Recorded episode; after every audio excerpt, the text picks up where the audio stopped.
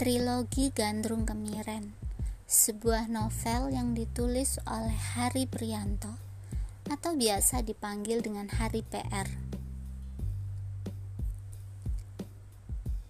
Yes, ini hanya sekumpulan narasi yang berbinar-binar di sela-sela energi besar saat pengerjaan disertasi.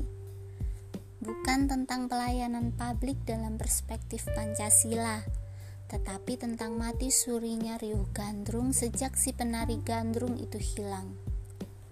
Setelah bertahun-tahun lamanya, Rubaiyah, perempuan belia yatim piatu, tanpa sadar menari lepas mengikuti gending dari mulut tasipan. Lelaki kecil berkulit kering dan kudisan. Ia menari tanpa diajari Sesepuh desa menganggap tingkah Rubaiyah itu campur tangan dari leluhur desa. Waktu terus berjalan.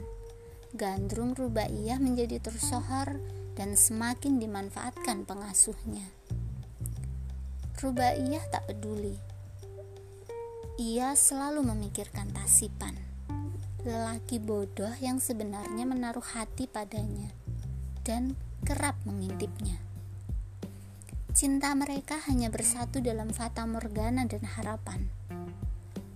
Waktu mencekam telah tiba. Gandrung Rubaiyah ditangkap, disiksa, dipenjara, dan diperkosa. Sedang Tasipan menjadi pelarian yang terus dikejar.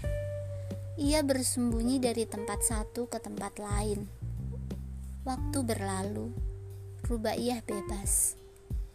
Ia tak lagi menari, ia hanya sosok perempuan yang merindukan tasipan dengan cara jatuh cinta pada laki-laki yang tak sepenuhnya laki-laki. Yang justru kemudian menjualnya. Rubaiyah teramat sedih. Matanya kosong. Jiwanya hambar. Tulis Hari PR